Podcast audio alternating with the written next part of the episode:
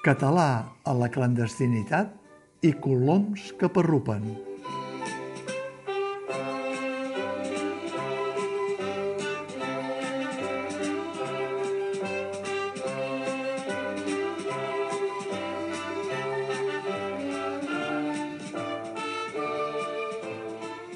Un estiu més han passat per a milers d'estudiants les proves de la selectivitat per accedir a la universitat.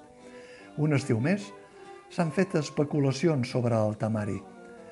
Però en aquest estiu s'hi ha afegit un nou element, l'ús de la llengua.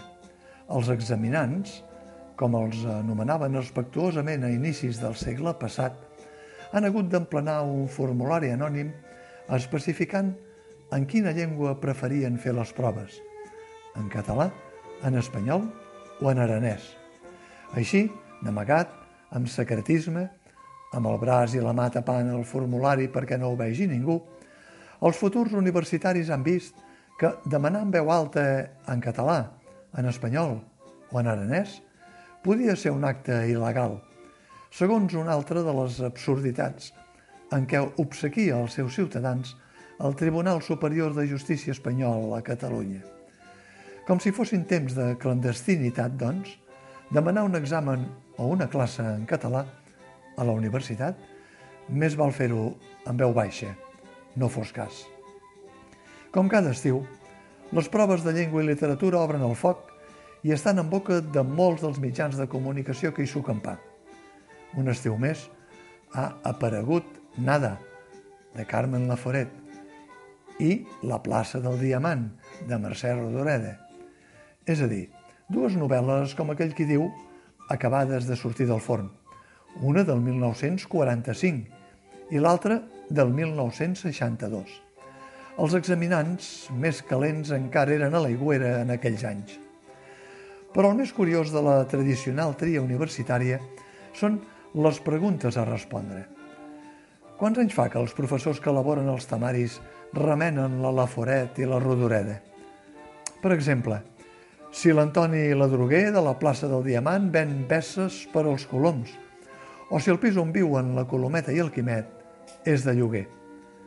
No cal dir que altres preguntes sobre el famós oxímoron en espanyol, o si un local estaria aclimatado o climatizado, o si s'ha utilitzat una sínteton o una anadiplosis en una figura retòrica, fa pensar en què és el que s'espera dels futurs universitaris.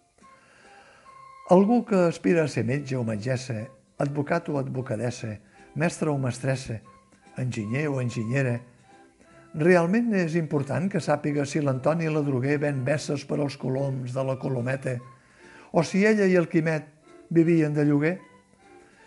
L'avorriment d'una llengua o d'una literatura comença per aquí.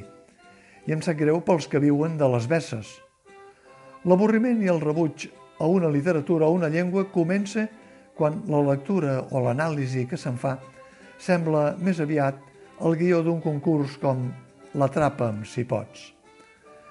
Els futurs universitaris se'ls hauria de demanar que siguin capaços de tenir una competència oral en la llengua que sigui, català, espanyol o aranès, que entenguin el que llegeixen i que sàpiguen argumentar el que proposen, que siguin capaços de tenir un criteri propi i lliure sobre el que passa al seu voltant del món. Què opinen d'una invasió bèl·lica com la de Rússia contra Ucraïna, per exemple? Què pensen de la xarlataneria al voltant del canvi climàtic i la inoperància a posar-hi remei de debò? Què opinen de la vocació política per estar al servei de la ciutadania i del que en realitat fan? La universitat que el primer curs acull adolescents en formació, ha d'empènyer en els cursos següents joves cap a la maduresa adulta, no només personal, sinó també professional i intel·lectual. Tractar la llengua i la literatura com una matèria en perill d'extinció és un dels errors crònics de l'ensenyament universitari del segle XXI, calcat a l'ensenyament de mitjan segle passat. Per cert, tornant a les besses de la droguer de la Colometa, i els coloms? En quina llengua parrupen? En català? En espanyol? O en aranès?